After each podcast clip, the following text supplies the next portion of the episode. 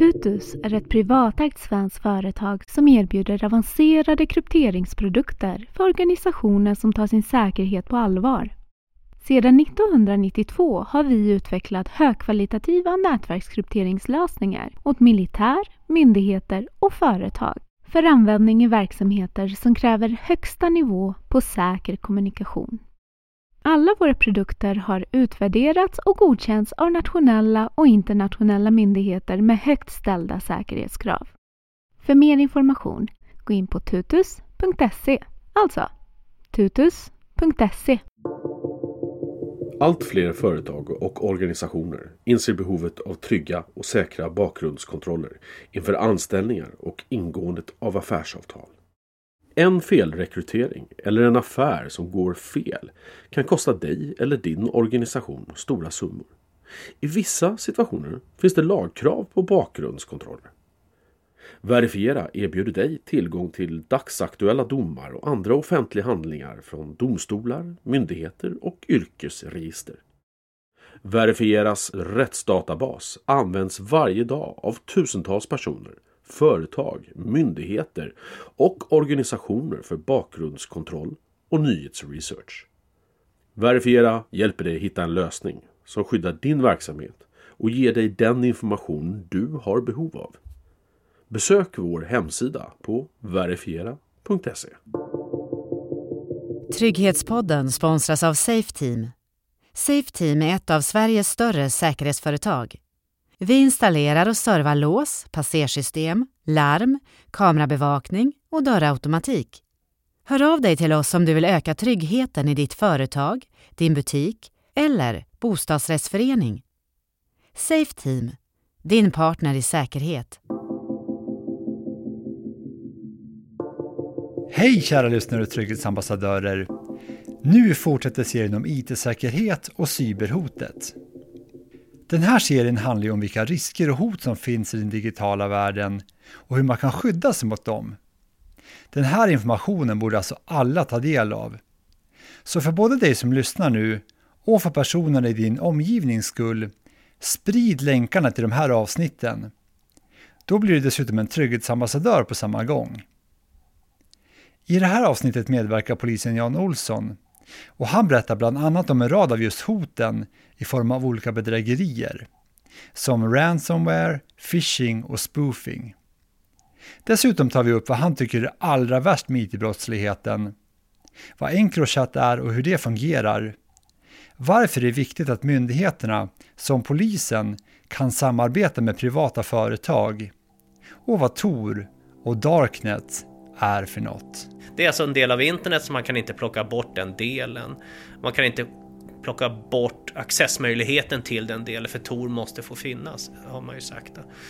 Och de är nästan helt dolda de personerna. Om du, du kan också gå in och handla där det är ingen större risk att du åker fast så. Det är det ju inte. Och det här utnyttjas då för allt från att man beställer mord till köper vapen till att man köper narkotika ja, egentligen stulna kortuppgifter. Allt finns där och det är oerhört enkelt att hitta. Du lyssnar på Sveriges viktigaste podd, Trygghetspodden, med Anders Königsson. Jag heter Jan Olsson. Och Jan, vad arbetar du med inom polisen? Jag jobbar på någonting som heter Nationellt IT-brottscentrum eller då Swedish Cybercrime Center. Eh, det förstnämnda är ju lättare att förstå om man funderar på vad vi egentligen sysslar med där och det handlar just om komplex IT-brottslighet samtidigt som det också handlar om internetrelaterade sexuella övergrepp mot barn, vår arbetsuppgift. Men vi ska mest prata om den förstnämnda, den komplexa IT-brottsligheten som sker. Vad jag gör där? Jag är då verksamhetsutvecklare. Det, det är ett begrepp som kanske är svårt att fånga. Men vad det handlar om att jag jobbar mycket med att utveckla preventionsarbete, det vill säga förebyggande arbetet för att allmänhet och företag inte ska bli off brottsoffer överhuvudtaget. Eftersom eh, jag tror att de flesta inser att med det här inflödet av ärenden som vi har och som hela tiden ökar, jag tror upp i två miljoner anmälningar snart till svensk polis varje år, så kan vi ju inte utreda bort det här problemet. Det är ju ganska naivt att tro det, utan vi måste på något sätt minska inflödet inflödet genom att folk och företag inte går på den här typen av brott, att inte de blir brottsoffer från början. Och det är det i stort sett den viktigaste delen i mitt arbete, att jobba preventivt och förebygga tillsammans med andra myndigheter och tillsammans med den privata sektorn framför allt. Ja, vi ska prata om det här med privata sektorn också lite längre fram här. Men om vi börjar med att gå tillbaka lite grann i tiden.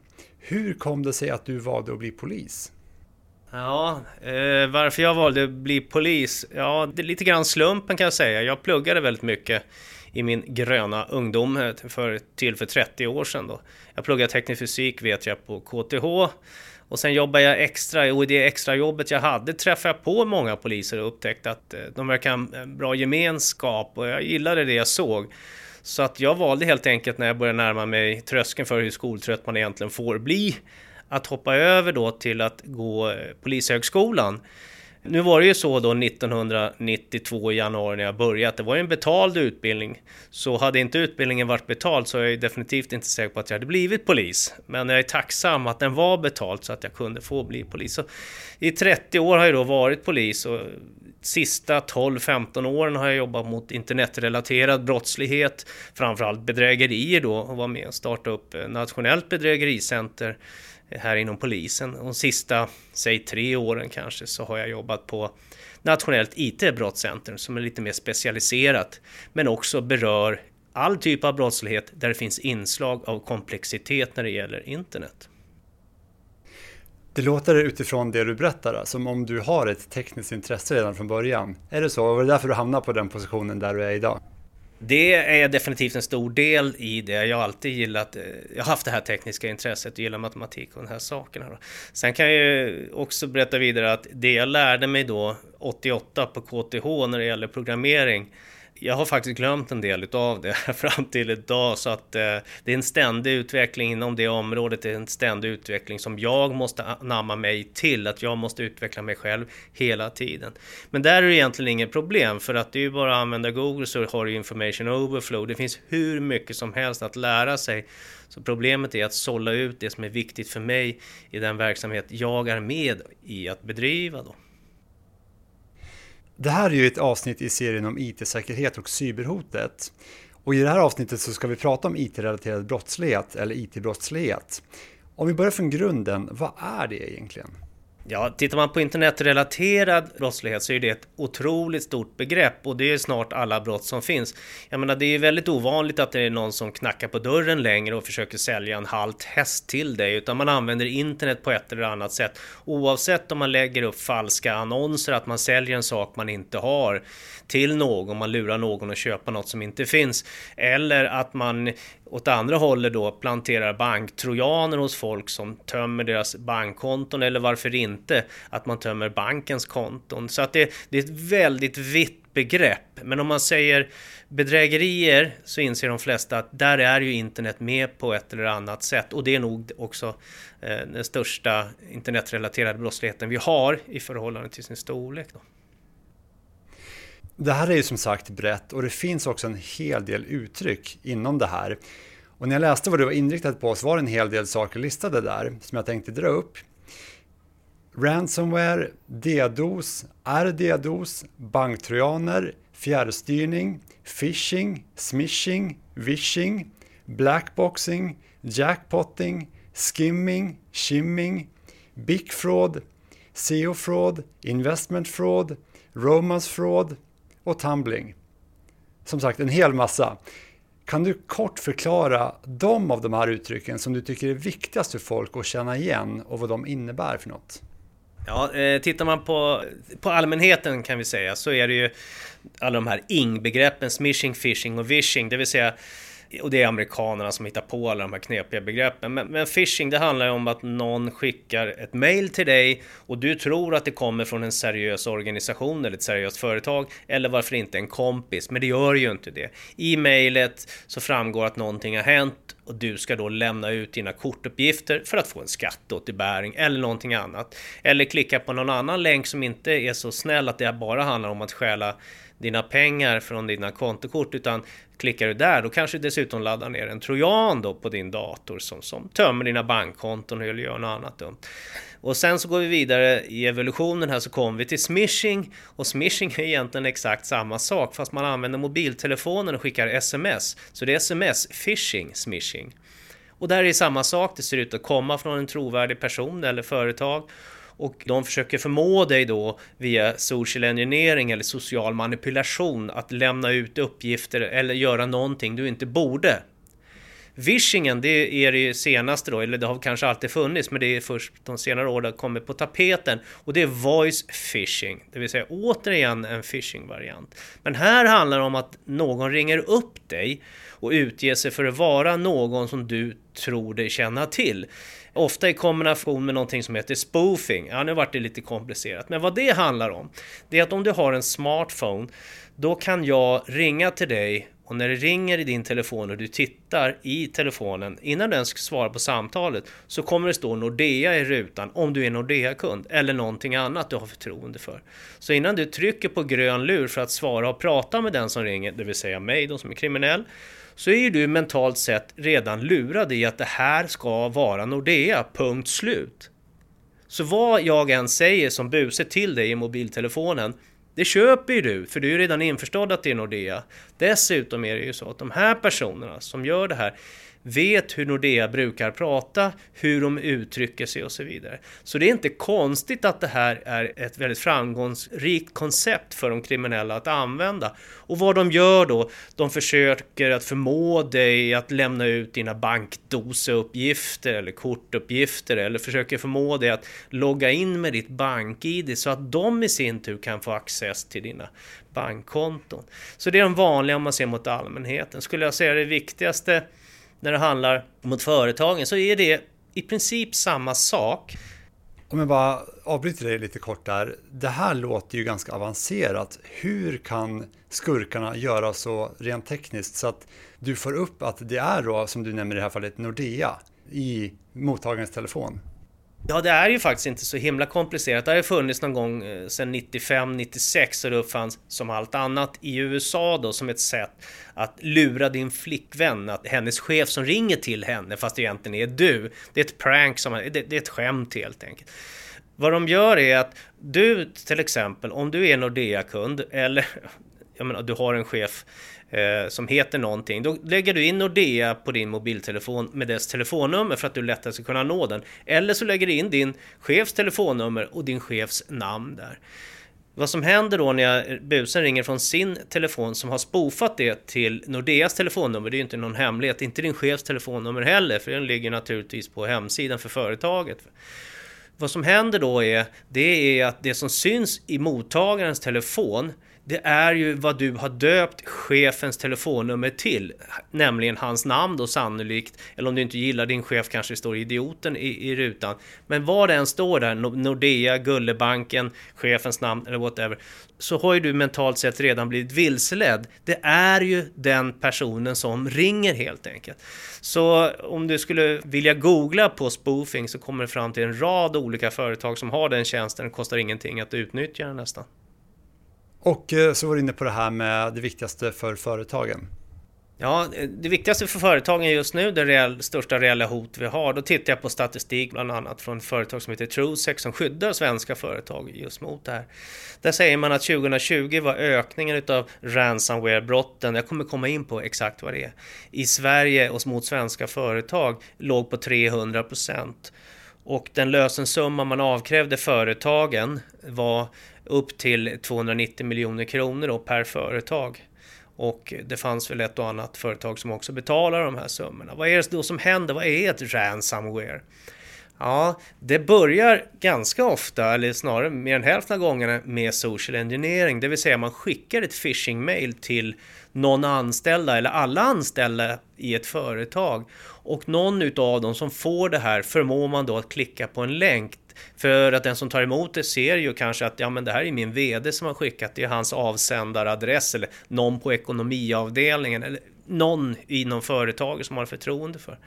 Och man klickar kanske på den här. Vad som händer då det är att man laddar ner en skadlig kod till företagets dator, den man sitter vid och plockar ner det här mejlet. Och det eh, skadliga koden i sin tur krypterar vissa filer som finns då. Och då kan det ju vara så illa att det inte bara den dator du sitter vid, för den är sannolikt uppkopplad i ett nätverk av datorer. Då kan väldigt många datorer, väldigt många servrar också få sina filer låsta, krypterade. Nästa steg i det här det är ju att du som har lyckats klicka på den här länken som du inte borde och fått dina filer krypterade. Du får ju ett meddelande från de kriminella som ligger bakom det här som säger att Försök hur mycket du vill, du är totalt blåst, vi har låst dina filer. Ska ditt företag inte gå i en konkurs så måste ju ditt företag ha de här filerna, det förstår vi också. Men vi ska vara snälla och hjälpa dig. Skickar du den här summan, de här miljonerna i bitcoin, som är en kryptovaluta, i bitcoin till oss så skickar vi till dig en nyckel som låser upp de här filerna som är låsta och så kan du fortsätta din verksamhet.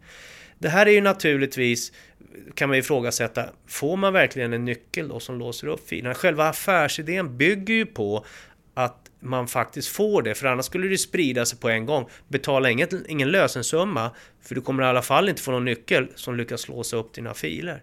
Varningens finger här är ju framförallt två saker. För det första så är det inte säkert att det fungerar att låsa upp. Det kan ha hänt någonting. Det kan ha gått fel när de låste filerna. Och för det andra är att det vi ser idag i stor utsträckning, det är att det kommer en andra våg. Du betalar, du får dina filer, men vad du inte vet är att de samtidigt har kopierat dem. Så i nästa vända får du ett hotbrev som säger, får vi inte lika mycket pengar till eller en, någon slant till, så lägger vi ut de här till Darknet för alla att titta och ladda ner gratis. Då. Och det kan ju vara företagshemligheter. Och för det tredje, om du betalar det här så är du medfinansiär för annan grovt organiserad brottslighet. De här pengarna, de här miljonerna miljarderna som rullar ut varje år från Sverige, de går ju inte till diskokvällar för de här som ligger bakom det här, utan det finansierar ju naturligtvis en annan typ av brottslighet som du kanske definitivt inte vill förknippa dig med. Kanske handlar det om terroristverksamhet man finansierar, kanske handlar det om narkotikahandel, trafficking, vilken typ av brott som helst. Så att det företagen just nu bör vara mest rädda för, det är ju själva ransomware-attackerna. Absolut. Men fundera då på hur kan de ske? Vi har ju satsat tiotals miljoner på IT-stöd och allt möjligt då som ska förhindra att vi skadas i företaget. Ja, men ni släpps ju in utav personalen eftersom de klickar på länkar och så vidare i phishing-mail. Så det är kanske personalen man ska utbilda och hela tiden vara på så att de inte gör det. Man ska skapa en policy som säger, det här gäller privatpersoner också naturligtvis, att klicka inte på alla länkar förrän du är fullständigt övertygad om att du vet vem det här mejlet kommer ifrån. Skulle alla efterleva det, då skulle hälften av de här brotten försvinna. Mer än hälften. Och det här gäller också dig som privatperson. Eftersom man ska ha klart för sig, det finns inget företag som klickar på ett länk, utan det är personer i företaget som klickar på länket, länken och det är samma personer som du och jag är. Det vill säga allmänheten ska utbildas i det här. Men företagen har ett stort ansvar att utbilda sin personal så att det inte sker. Om man då är ett företag som har blivit utsatt för det här, ens filer har blivit låsta och det här är jätteviktiga filer vad gör man då? För man vill ju inte betala skurkarna den här lösensumman. Det här är, det är naturligtvis ett jättelångt svar, men man måste ju naturligtvis ha förberett en plan för hur ska vi skydda oss för att vi ska bli angripna? Vad gör vi när vi är angripna?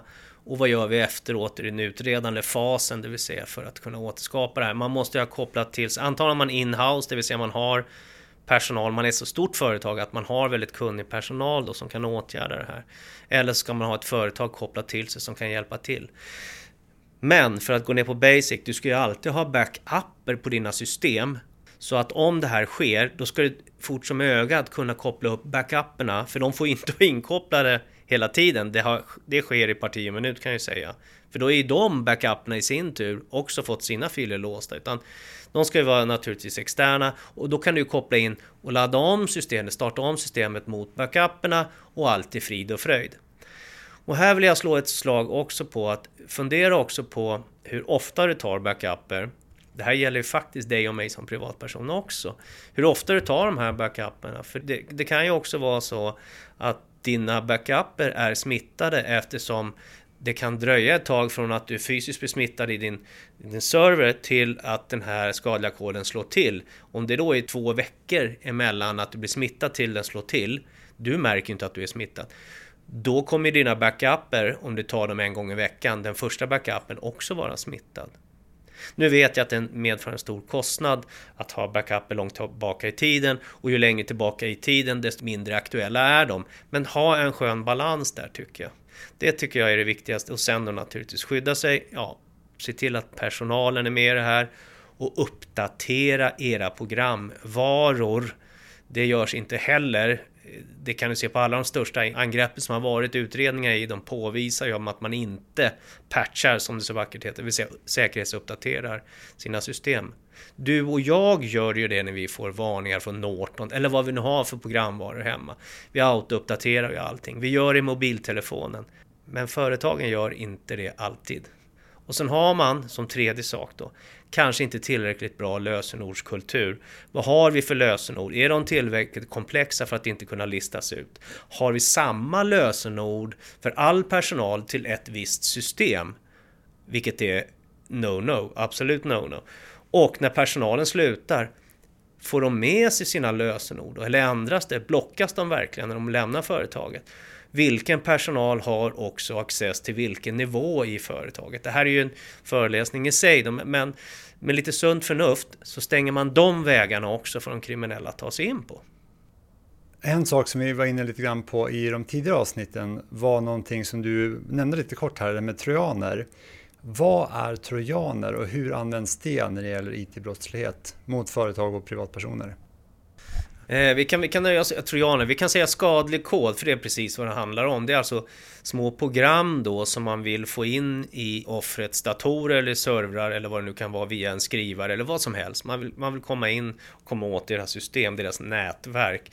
Och då är det en skadlig eh, kod, alltså vill säga alltså en liten programvara. Och de i sin tur kommunicerar ju med andra servrar ute i världen som inte du och jag vet vilka de är. Det är så kallade C2-servrar begrepp, begrepp. Men poängen är att de kommunicerar, de lever, det är ett levande väsen. Och ofta ligger de så djupt rotat i systemet att eh, antivirusprogram och annat inte alltid hittar dem överhuvudtaget, utan de kan leva där i, i veckor om de vill.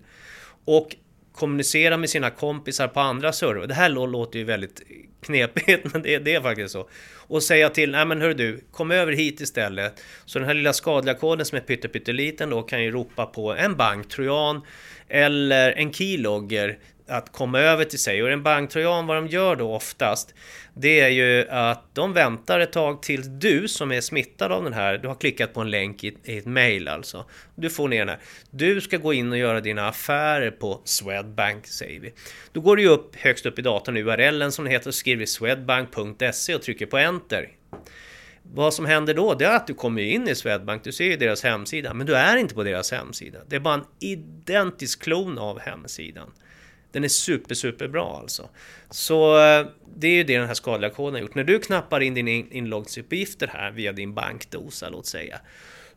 Du får ett felmeddelande i slutänden. Men den som har placerat den här skadliga koden sitter i realtid och loggas in från sig i sitt land på Swedbank med hjälp av dina uppgifter på, till din internetbank. Du får ju ett felmeddelande, tekniskt felförsök igen om 15 minuter eller liknande. Vad som händer där är att busen som är inne på din internetbank, han kan ju naturligtvis moderera, han kan flytta över alla pengar från olika konton till ett konto, han kan sälja dina aktier och han kan flytta över pengar till men han kan inte flytta ut pengarna från ditt konto. Eftersom han kommer ju upp i ett konto som du tidigare som offer aldrig har angett att du ska använda som mottagarkonto. Det är det som är poängen med de 15 minuterna. När du försöker igen om 15 minuter, eftersom du är svensk, vi står ju i kö i skidbackarna i Alperna också, det gör ju inte tyskarna. Men vi svenskar gör det, så att det här vet ju busarna. Så när du loggar in om 15 minuter igen, då är det inte det att du loggar in på din bank, utan du ger honom koden för att flytta pengarna inifrån din bank ut till en utländsk bank eller till en virtuell valutaväxlare göra någonting annat som ska göra det svårt för, för polismyndigheter och annat att spåra de här överhuvudtaget. Så det är en banktrojan. En keylogger kan ju också placeras på din mobiltelefon eller din dator. Den läser ju av vilka koder du slår in när du ska logga in. Det är dina inloggningsuppgifter till, till höger och vänster kan den läsa av läsa av allting du skriver överhuvudtaget. Och det kan ju vara väldigt, väldigt bra för dem för att använda sen. Så att en skadlig kod kan vara ransomware, banktrojan, keylogger. Den kan också, vilket är jättevanligt, som du och jag inte vet om om vi är delaktiga i, det är att de kopplar upp din dator eller din, din mediabärare, din datorserver, whatever, i ett gigantiskt botnet det kan vara 100 000 attiraljer där, mer, 150 200 000 webbkameror till exempel. Och sen använder busarna det utan att du och jag som har den här skadliga koden och deltar i det här botnetet. Vi är alltså zombiedatorer då. Va? Vi deltar i överbelastningsattacker mot en bank eller någonting liknande. Eller vi är delaktiga i att skicka ut phishing-mail till 10 miljoner mottagare. Vi ser inte det här. Möjligtvis kan vi se det på att hastigheten går ner lite grann. Men varningens tecken nu. Alla som har en dator som märker att efter några år har hastigheten gått ner.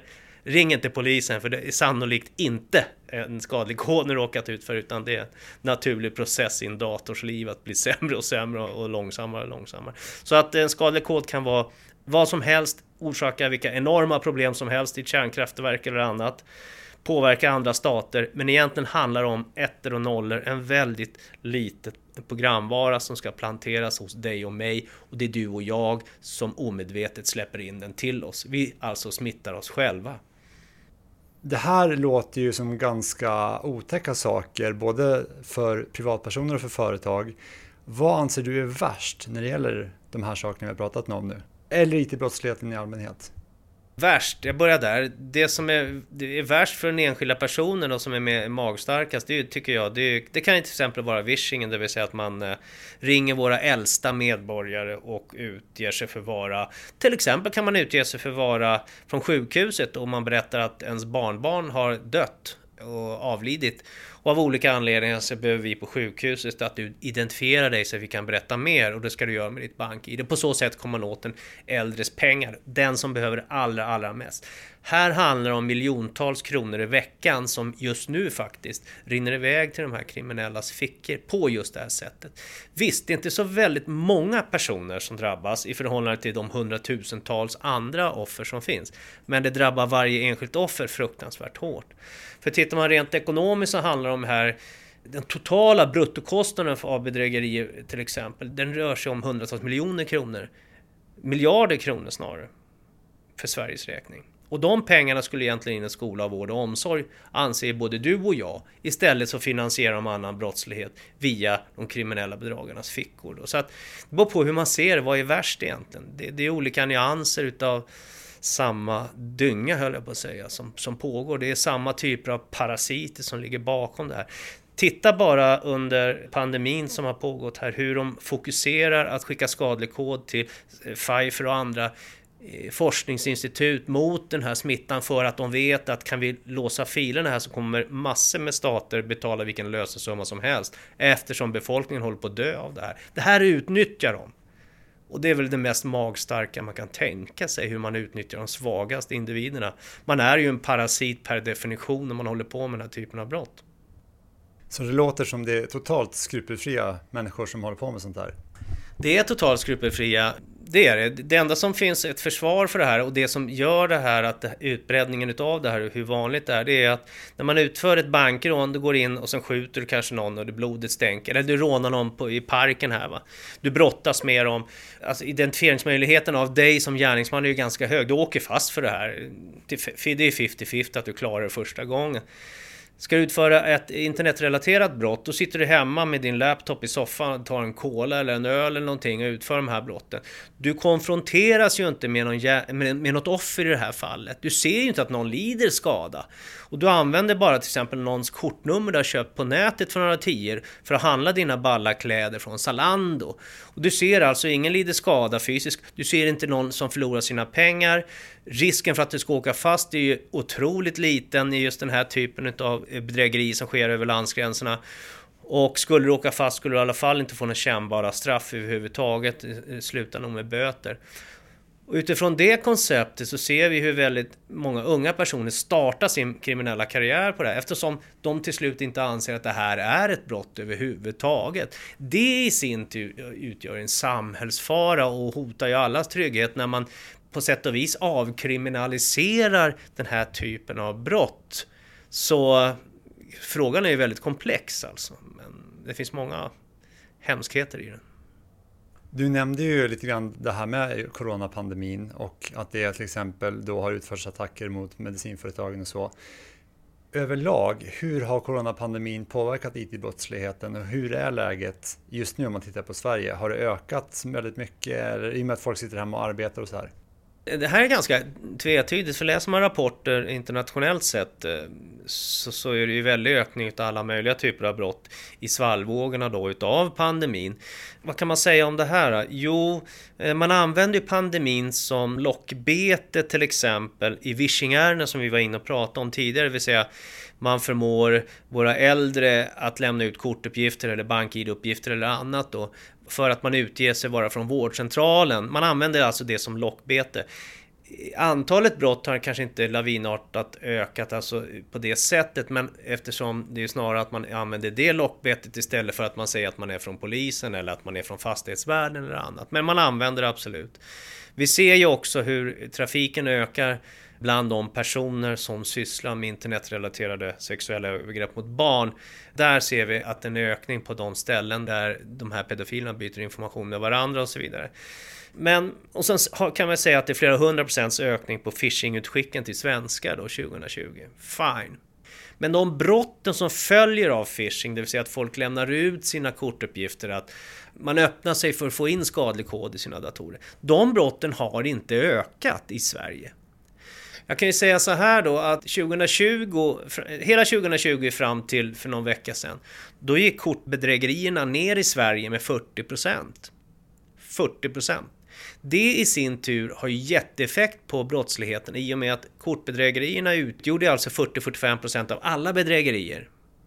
Så går de ner 40%, procent, det har ju inneburit att bedrägerierna som brottslighet har gått ner i Sverige här är vi ganska unika, har gått ner i Sverige under pandemin med mer än 10% Och det i sin tur påverkar ju all brottslighet eftersom just bedrägeribrotten utgör en stor kaka av det här. Och hur kommer det sig då att kortbedrägerierna har minskat så mycket? Anledningen till att kortbedrägerierna har minskat beror inte på pandemin då eller bara på att svenskarna har blivit duktigare på att använda sina kort utan det handlar ju om att det har kommit nya EU-direktiv det heter PSD2 Payment Service Directive 2. Ointressant, men ett nya eh, direktiv för att EU har sett att e-handlarna, alltså internethandlarna och de fysiska handlarna, de identifierar ju bara att kortet som används vid köp, att de kortuppgifterna stämmer att det finns pengar som betalar varorna. Det vill säga, man går in på internet så har det ju räckt med kortnummer, utgångsdatum och den här koden på baksidan av kortet för att genomföra ett köp. Det här har naturligtvis de kriminella utnyttjat, att man kan göra på det sättet. Därför stjäls ju kortuppgifter tiotals miljoner kortuppgifter stjäls eh, faktiskt varje månad eller varje år åtminstone och säljs på Darknet där vanliga bedragare kan köpa några hundra stycken använda för att göra sina köp. Det här har ju EU reagerat mot. Då kom betaldirektiven som säger, mycket säger de, men bland annat säger de att ni som handlar, antingen det är butik eller på internet, måste identifiera den som använder kortinformationen. Inte bara identifiera kortet, utan vem använder kortinformationen? Det här har ju bankerna vetat om i flera år att det här kommer, så de har ju förberett sig för det här. Det vill säga öka på säkerheten. Näthandlarna i Sverige och så vidare runt om i Europa också i stora delar har också förberett sig för det här. Så vad som har skett är att om du och jag ska gå ut på Hallens.se och handla så räcker det inte med att vi knappar in kortuppgifter. Vi måste ju också använda bank-id, märker vi idag. Och det medför ju eh, en fantastisk utveckling för det innebär ju att även om jag har stulit dina kortuppgifter så har ju inte jag ditt bank-id och därför kan jag inte genomföra köpen och därför har kortbedrägerierna gått ner 40% av den anledningen. Om man sammanfattar allt det här, vad ska man då som privatperson och företag, eller också personer då som sitter på företagen, men vad ska man tänka på? är att man inte ska klicka på länkar i mail och man ska vara väldigt försiktig om någon hör av sig och säger att de är till exempel från vårdcentralen eller banken och liknande. Exakt, det är ju det. Det är de lågt hängande frukterna. Alltså om någon skickar ett mail där det finns en länk och eh, det verkar gå ut på att det ska handla om pengar, en överföring eller på någonting sätt. Sticker ut utöver det vanliga och du är inte säker, för då, då är du ju inte säker på att den här avsändaren egentligen är den han är. Kontrollring då. Handlar det om att ett annat företag eller en myndighet eller landstinget som hör av sig. Motring där också. Så fort det sen i mejlet, om du ändå klickar vidare och tittar på vad är det här för någonting. Om det någonstans framgår att du ska lämna ut loginuppgifter eller kortuppgifter eller bank-id-uppgifter på ett eller annat sätt viktig information. Om det framgår att du ska lämna ut det av vilken anledning som helst, så ska du absolut inte göra det. För då vet du att det här är ett bedrägeri som är på gång. Det finns ingen myndighet eller företag som uppvaktar dig, alltså som kontaktar dig och begär att du ska logga in med BankID till exempel. Det sker inte. Så det ska du aldrig göra. Och följer du den lilla varningen och efterlever den, då minskar ju risken att du blir utsatt för den här typen av brott med otroligt stor procentsats. En sak som jag har fått lära mig också är att man kan också gå upp och titta på avsändarmailen. För att om det är till exempel då Swedbank, då har ju de swedbank.se på slutet. Men om de utger sig för att vara till exempel då Swedbank och det är egentligen ett phishing-mail, då är det ofta en jättekonstig mailadress. Och då får man känslan att det här är ju fel, vilket det förmodligen också är då. Ja precis, det handlar ju om spoofing fast den här gången inte telefonnummer utan mailadress, man kan spoofa IP-adresser och allt möjligt då. Och, men det finns lite olika varianter så det är jättesvårt att säga någonting. Men om du till exempel lägger muspekaren, hovrar som det heter, ovanpå adressen här, Swedbanksadressen. Då kan det ibland, inte alltid, dyka upp en annan adress som heter 1234 at eh, whatever.ne eller någonting i den stilen. Och då vet man att det här är alltså inte från Swedbank. Men det kan också vara en registrerad domän som är otroligt snarlik. Istället för att det står polisen.se kanske det står polisem.se. Ett M istället för ett N. Det här är svårt att se i hastigheten, att det är ett annat ord som står där. Och då kan du ju titta på hur mycket du vill. Det kommer ju vara en äkta domän, men inte polisens domän. Så var noggrann med vilken avsändare det är, absolut. Hovra med muspekaren. Dyker upp en annan adress så är det fel. Titta också, är det verkligen polisen? Men så fort du börjar känna efter att ja, men det här kan inte är jag riktigt säker? Kontrollring. Har ni skickat ut sådana här typer av mejl verkligen? Då kommer de att säga nej naturligtvis. Du nämnde att det är väldigt mycket sådana här brott som försiggår. Hur är kunskapen inom polisen när det gäller den här typen av IT och IT-brottslighet? och därmed då förmågan att klara upp alla de här brotten som begås.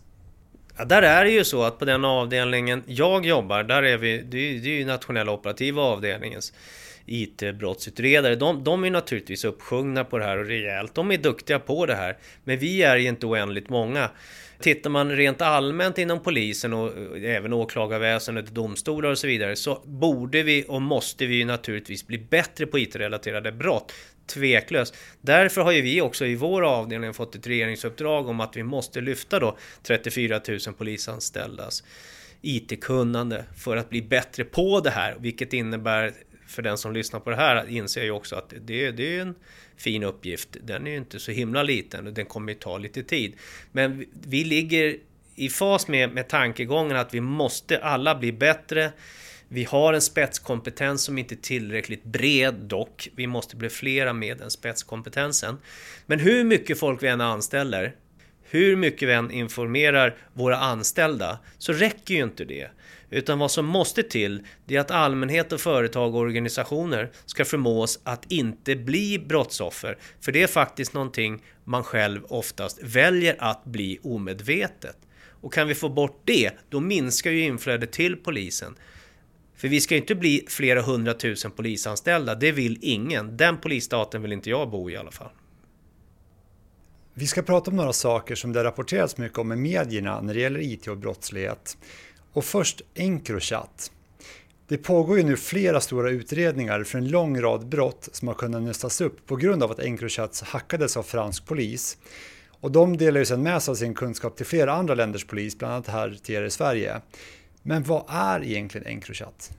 Ja, det handlar ju om, om att de kriminella för allt i världen inte vill bli identifierade. De vill förhålla sig anonyma så att inte vi ska veta vilka de är och vad de pratar om. Och det finns det ju alla möjligheter för att vara anonym. Det kan ju du och jag också vara via WhatsApp eller what, eh, det finns ju massor med olika appar för det här. De har ju tagit steget längre för de, de vet ju att polisen i olika länder kan ju begära ut information. Både från de som erbjuder VPN-tunnlar och annat då som gör att vi kan inte alltid, men ibland kan komma vidare då. Då har de, och det finns ju då en marknad för de som vill vara riktigt, riktigt anonyma. För det här är inte gratis Encrochat, eller har inte varit gratis direkt. Att aha, det kostar ju tiotusentals kronor per år då för de kriminella att ha. Och då har de ju skapat ett system för de kriminella att vara fram tills för ett tag sedan säkra på sin egen anonymitet, vilket har skapat en kultur att man har varit väldigt öppna med vad de har pratat med varandra om när de har haft de här, den här typen av telefoner med de här operativsystemen. Så eh, i och med att de har vaggats in i någon sorts tro att de är osårbara när de använder Encrochat har det medfört att den information som har kunnat fiskas upp därifrån har ju varit ja, någonstans mellan fantastisk och sagolik då för den brottsvårdande delarna utav samhället att kunna ta del utav. Och det är det vi ser nu, eh, effekterna utav då. Eh, det För de har ju bland annat i realtid pratat om att de ska mörda folk och vilka de har mördat och begått andra väldigt grova brott. Ja, så har jag fått förklarat också. Nu är det ju så att jag personligen har inte sett någonting av Encrochat utan jag har ju den informationen som du har egentligen också om du har läst på i det här. Men jag vet ju också att det här är enormt stort och att det, det jobbas med i de flesta länder. Även Europol och andra är ju då involverade i det här. Och det handlar ju om, om, att lagstiftningen har varit väldigt gynnsamt i de länderna som har lyckats lyfta den här möjligheten att knäcka Encrochat och det handlar ju om Frankrike framförallt och även Nederländerna. Så att det är ju en del också i svaret på när vi ser vad som sker här när Polismyndigheten någonstans knäcker en sån här plattform som uteslutande används utav grovt kriminaliserade människor och organisationer. När de får den lagstiftande möjligheten att kunna göra det här, för det är ingen allmänhet som är inne på det här, det ska man ha klart för sig. Det är då det kan få de här positiva konsekvenserna. Och det har positiva konsekvenser, inte bara kortsiktigt, att det här kan ske. För rent tekniskt då, jag läste en artikel på Aftonbladet där de beskrev det här. Och som jag förstod det då så är det alltså två simultana operativsystem i mobiltelefonerna. Där det ena är ett vanligt operativsystem och sen så kommer man in till det här Encrochat-systemet som då är ett helt dolt system. Och det finns till och med en funktion om det är så att man är på väg att bli gripen av polisen att man kan slå in en kod så totalförstörs telefonen. Ja, det är riktigt. Det, det, de har ju en nödknapp då för att släcka. Det är inte så här, det, det, har ju alltid funnits de varianterna. Det har ju funnits när, när vi jagar pedofil så har de kanske en lysknapp på väggen de trycker på. Så släcker ner datorerna och låser alla filer så polisen inte kan se vad de har varit ute och tittat på. Så att just den funktionaliteten, en nödknapp för att snabbt kunna eh, radera allt som har sagts. Eh, det har ju funnits, absolut.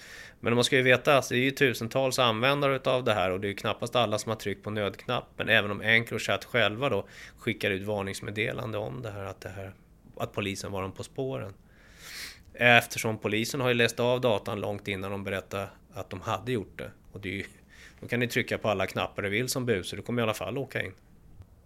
Men de var alltså så självsäkra de kriminella när de höll på med det här, att de alltså kunde sitta och just diskutera väldigt grova brott i realtid. Hur kommer det sig att de kunde känna sig så självsäkra? För som kriminell brukar man ofta vara väldigt försiktig med, inte minst när man liksom pratar om saker på telefon eller liksom via dator och så här. Nej, men de, de invaggas ju i den tryggheten likväl som att de kanske träffas fysiskt och de vet om att det är ingen som är buggad här. Då pratar man ju helt enkelt. Man har man äntligen ett rum att prata i. Och det bygger ju på att de lär känna varandra över tid och skapar ett förtroendekapital hos varandra. Förtroendekapitalet har ju skapats i Encrochat i det här fallet. Att de har ju använt det här under längre tid. De vet att alla vi som använder det, det är aldrig någon som åker fast för det här. Det vill säga, de släpper på... De blir tryggare och tryggare i, i, i den här Encrochat-bubblan de sitter och pratar i.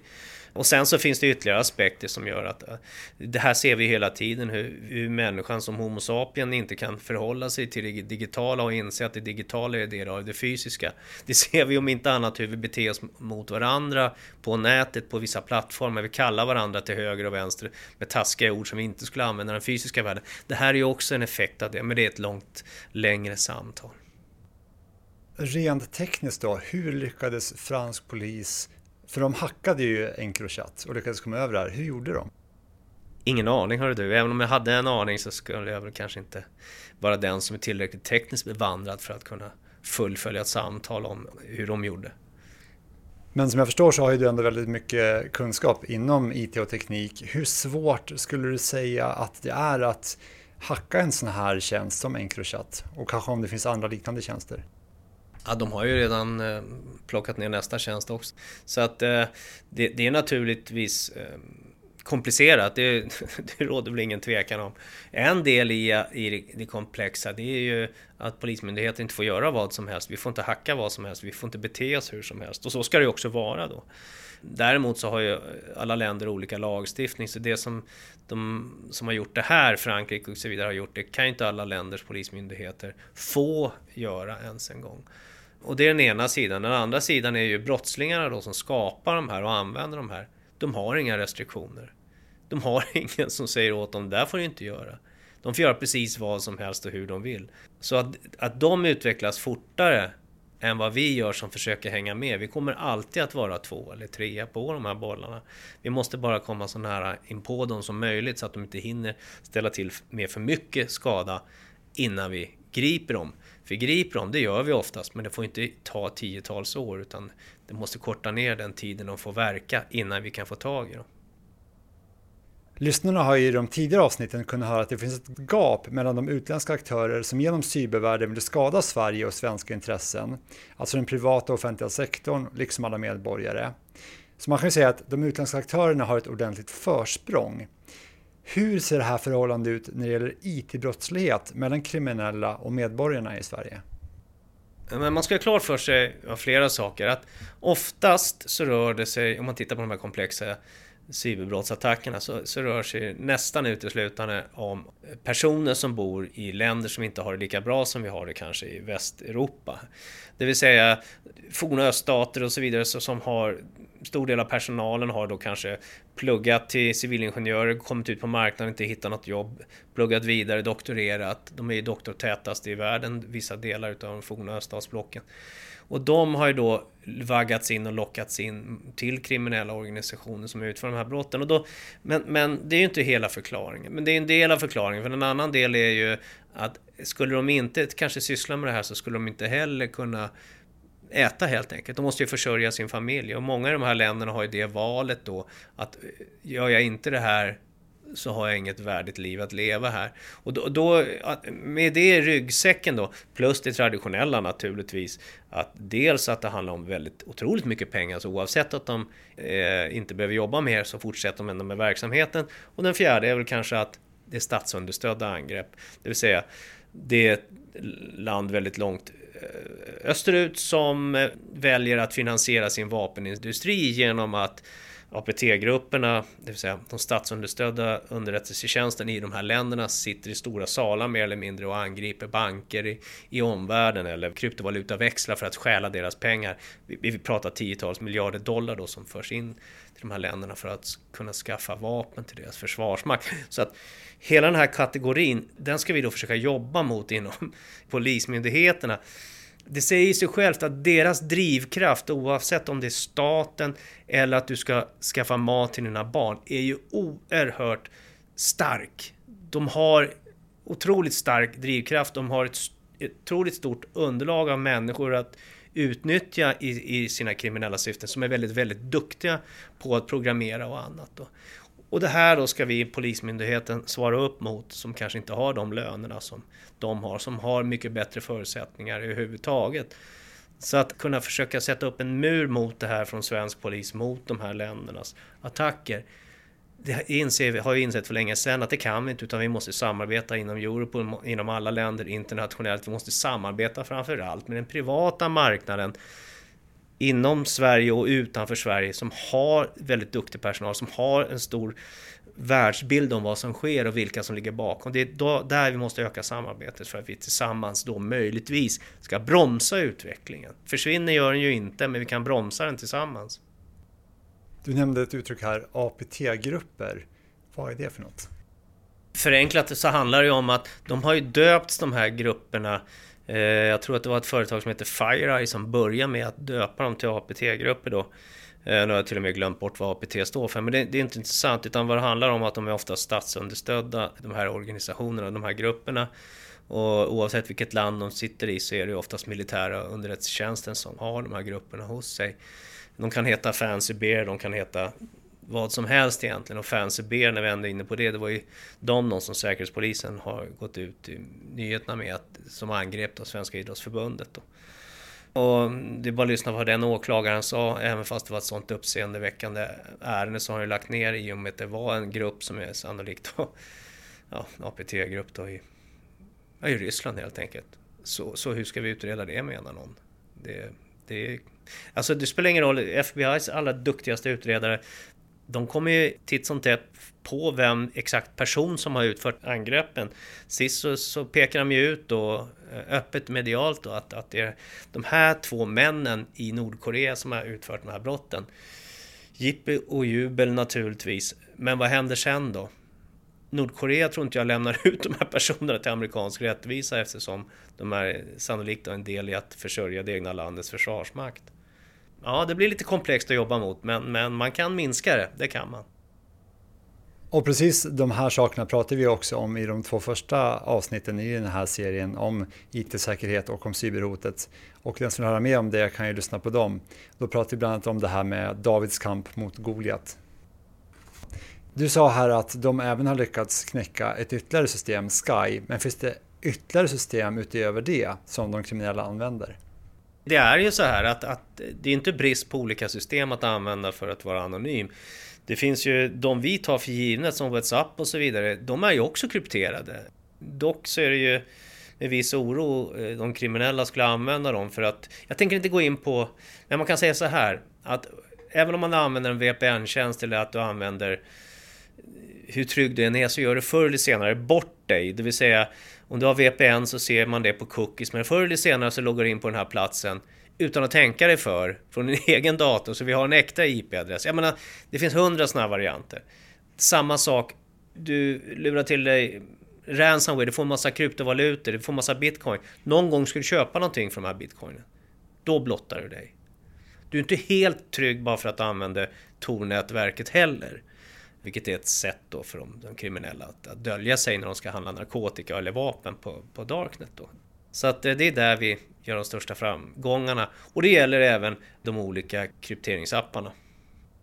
Och VPN, det är alltså en så kallad VPN-tunnel så att man kan hålla sig dold. Så att man kanske är någon annanstans i världen än från sin riktiga dator med sin riktiga IP-adress. Ja, det är, det är en variant av spoofing kan man säga. Så att eh, om jag eh, blir angripen av dig, eller po eh, polisen utreder någon som har blivit angripen av, av dig. Och sen ser man att ah, det har en IP-adress. Så kollar man den, ja den går till Malaysia. Fast eh, du sitter ju i Knäckebrehult här runt hörnet och utför de här brotten. Det är en VPN-tjänst eller anonymiseringstjänst. Då är det ju så att vi kan ju naturligtvis begära ut informationen då från den som har växlat över dig till, till Nordkorea eller vad det är, din IP-adress, för att få ut den informationen. Men de företag som gör det här finns inte alltid i Sverige och inte alltid samarbetsvilliga. Men ibland så är de det och då kan vi komma vidare ändå. Du nämnde ju Darknet här och Tor.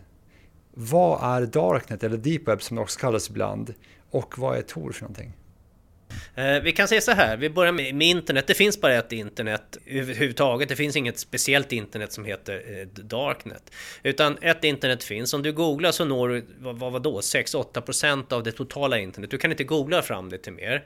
Under den ytan, så att säga, under den nivån och neråt så, så är det ju deep web nästan hela vägen ner. Och deep web är inte alls konstigt utan det, där ligger informationen som företagen inte vill att du ska kunna googla dig till. Polisen har ju sina brottsregister där eller anställningspapper och allting ligger ju där. Det, det, är absolut inte konstigt och det är nästan hela internet som ligger där och det kallas deep web.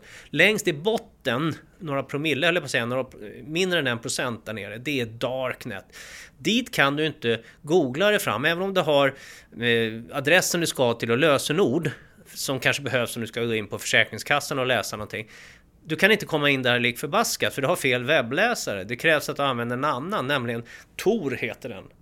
Nu är vi framme till det. Det krävs alltså att du laddar ner en annan webbläsare. Det tar 30 sekunder att ladda ner Tor. Det kan ni gärna pröva, det är, det är inget konstigt i sig. Tor i sig är fullkomligt lagligt. Det amerikanska försvaret som kom på i mitten av 90-talet och sen har hittat på ännu bättre system då för att kunna prata med varandra utan att deras fiender ser och hör vad de pratar om. Det är det Tor, det är alltså en anonymiseringstjänst. När du laddar ner den och ska till exempel använda den, då kan du inte bara gå in och skriva knark högst upp och trycka på enter. Du måste veta vart du ska. Men att hitta vart du ska, det kan du googla dig fram överallt. Det finns massor med sidor. Va? Och vad som sker då är att om du går in på en sida som säljer narkotika eller realtidsvåldtäkter kan du beställa för några hundringar från Filippinerna på en fyraåring. Allt det här finns där.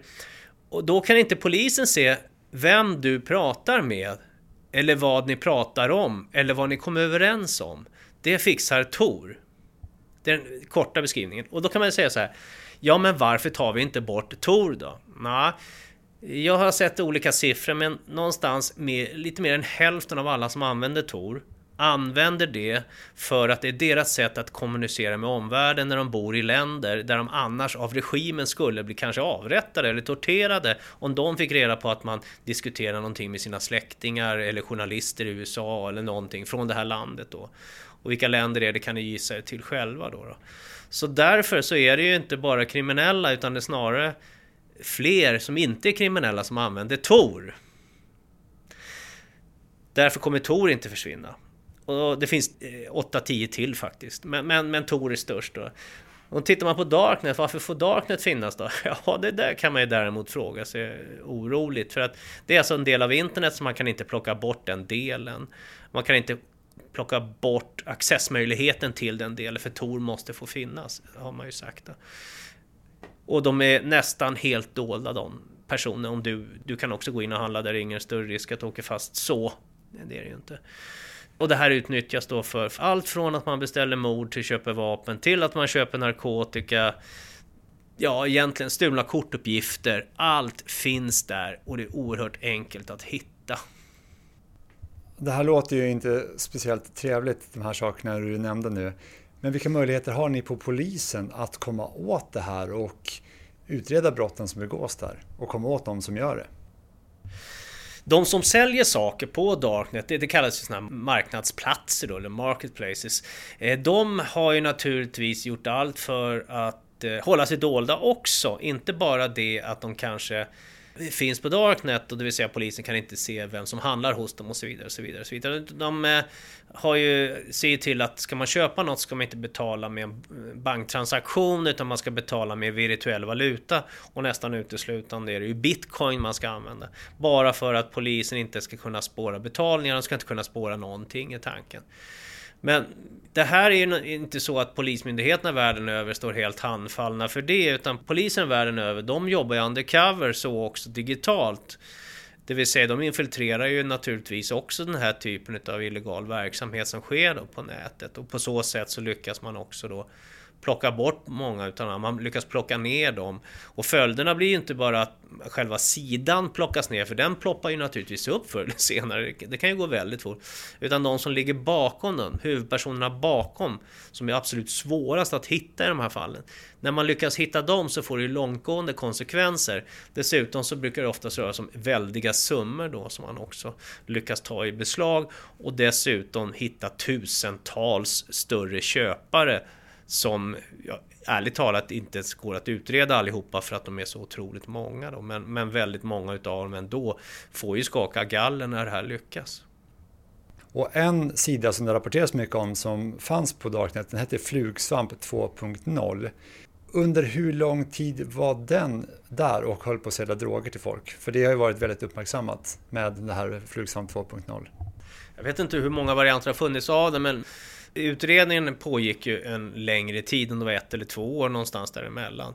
Så är det ju så att under tiden har de naturligtvis lyckats sälja en hel del och, det har ju kartlagts också och, och kunnat bevisats då att den här mängden är det och de här köparna och de här säljarna är det. Och, och konsekvenserna utav det också är ju klart imponerande och det talas faktiskt internationellt sett mycket om det här svenska tillslaget och den svenska utredningen, hur lyckad den var. Kan man ju fråga sig, ja men försvinner det här från, från nätet nu? Nej men det gör det ju inte, det dyker upp igen. Men om man tittar tillbaka de sista 6-12 månaderna så är det ett flertal marknadsplatser utav de större som har försvunnit på det här sättet. Och det har fått konsekvensen till tillgången och hur lätt det är att accessa den här typen utav varor och tjänster då, som som de har erbjudit på de här ställena. Så att det, det får effekt. Och man ska inte nöja sig med att säga att det spelar ingen roll, det finns där ändå. För i sådana fall kan vi slå igen butiken helt menar jag. Hur har det här påverkat narkotikabruket, tror du? Att det går så lätt att bara gå in då på Darknet och kunna köpa droger? Ja, det har ju varit en förutsättning till, till att det har ökat på det här sättet, att internet finns och darknet finns. Men också sen så har vi en svenska lagstiftning som gjort det möjligt att man kan skicka det via posten utan att posten i sin tur kan meddela polisen att de misstänker att det här lilla brevet innehåller någonting som inte borde. Allt det här är på väg att lösa sig nu, men tänk dig så här, när jag var kraftigt mycket yngre och skulle man ha narkotika, det, då kunde man ju läsa sig till. Då måste man ju till Sergels torg minsann, eller storstäderna och köpa den narkotikan. Och det är ju jättejobbigt om man bor i Kvikkjokk att, att bege sig till Stockholm 6000 mil eller vad det är, jag vet inte. Men idag så kan du faktiskt beställa det här på nätet, få det i posten säkerligen inom 24 timmar oavsett var du bor. Så lättillgängligheten, när det dessutom kan vara helt anonym. På Sergels torg är det 17 med inte anonym, för där finns det spanare. Alltså, har det här haft påverkan på narkotikaanvändningen och spridningen? Jajamensan, det har det ju. Det får man aldrig glömma. Vi har pratat nu om ett flertal väldigt obehagliga former av brottslighet som pågår på Darknet. Vad skulle du säga är det värsta, tycker du? Vilken typ av brottslighet som försiggår på Darknet? Ja, det, det, finns ju en uppsjö att välja utav här, men, men tittar man på någonting som vi satsar väldigt hårt på då, på, på min avdelning och flera regioner i, i Sverige då, det, det är internetrelaterade sexuella övergrepp mot barn. Det vill säga, det är miljontals, miljontals, miljontals övergreppsbilder då som sprids. Och då är det inte bara bilderna i, i sig, förutom att de är fruktansvärt hemska, utan det är ju att de här bilderna tas ju nya, det vill säga det är nya barn då som utsätts för de här övergreppen varje minut eh, nu när klockan tickar runt här. Varje minut utsätts de. Och det här satsar vi mycket då på att i första rummet identifiera vilka barn är det vi ser på bilderna, vilket land kan de befinna sig i, vilka barn är det vi ser på bilderna. Kan vi identifiera dem så vi fort som ögat och kan plocka bort dem från den miljön de befinner sig i. För när vi får den informationen så är det inte sällsynt att samma dag åker man och gör husrannsakningar på de här platserna. Så det är en stor del att identifiera. Sen naturligtvis också att komma åt de som delar det här materialet. Det, det är nummer två då, att, att de ska naturligtvis få skaka galler. Man måste ju vara fullständigt medveten om att de här, vad ska man inte kalla dem, klubbarna, men, men där man byter de här bilderna med varandra, det kan ju vara hundratusentals medlemmar. Fransk polis har ju påstått att de har sett eh, sådana konstellationer med, med miljoner användare alltså för den här typen av övergreppsmaterial. Då inser man ju snabbt att det här är ju otroligt vanligt i samhället faktiskt. I förhållande till att man traditionellt sett tror att det här är någon skum figur som bor ute i ett träsk någonstans som utför de här handlingarna. Nej, jag tror att det är mer vanligt än vad man tror. När man som polis arbetar med det här, vad får man egentligen för tankar om mänskligheten när man ser att det är så här många som håller på med sånt här? Nej, det finns, det finns bara ett sätt att förhålla sig. Nu, nu tillhör inte jag de grupperna för jag skulle inte klara av det. Som sitter och granskar bilderna för att avgöra, är det här grovt eller kan vi identifiera den här? Du, du, du kan inte ens fantisera vilka bilder det handlar om här. Jag, jag klarar inte av men, men vad det handlar om det är att de är väldigt professionella, det måste man vara. Och att man kan... Man måste ju se det som ett jobb. Man måste kunna stänga av det när man går ifrån granskningsbordet helt enkelt. Och de är, naturligtvis har man god koll på varandra och, och de som, har, som är chefer för de här grupperna. Väldigt professionella då och de får ju gå utbildningar för det också naturligtvis. För det här, det här, det är inte för alla att jobba med det här. Absolut inte mig i alla fall. Ni griper ju uppenbarligen en hel del personer som håller på med sån här IT-relaterad brottslighet eller IT-brottslighet. Om ni griper någon riktigt duktig hackare, kan ni från polisen då föreslå att den byter sida och går över till er och hjälper er i arbetet mot brottsligheten istället? Alltså spontant sett så ser jag det som väldigt svårt. Absolut. Förekommer det... Eh, det kanske det gör. Alltså, om vi säger så att de skulle byta sida och jag skulle se dem i ett rum i min korridor och sitta och jobba med det här. Jag ser det som väldigt, väldigt knepigt. Det gör jag. Att de kan vara behjälpliga ändå genom att lämna information och tips och råd och då till och med utbilda. Delvis så sker ju det redan. Inte sällan sugs de dessutom upp av säkerhetsföretag då, som har större möjlighet att, att hålla kontroll. För det handlar ju om att hur vet du att denne har bytt sida? Alltså det, det, jag har svårt att tänka mig det åtminstone att det skulle ske. Det kanske har skett, mer än vad jag vet, men nej, jag tror inte det. Vi pratade tidigare om det här med polisens samarbete med den privata sektorn. Hur är det och varför är det så viktigt? Ja, det, det, det, är ju ganska självklart. Vi har varit inne på tidigare att vi, vi har en spetskompetens inom polisen som är duktiga på det här området. Men att den är alldeles för liten.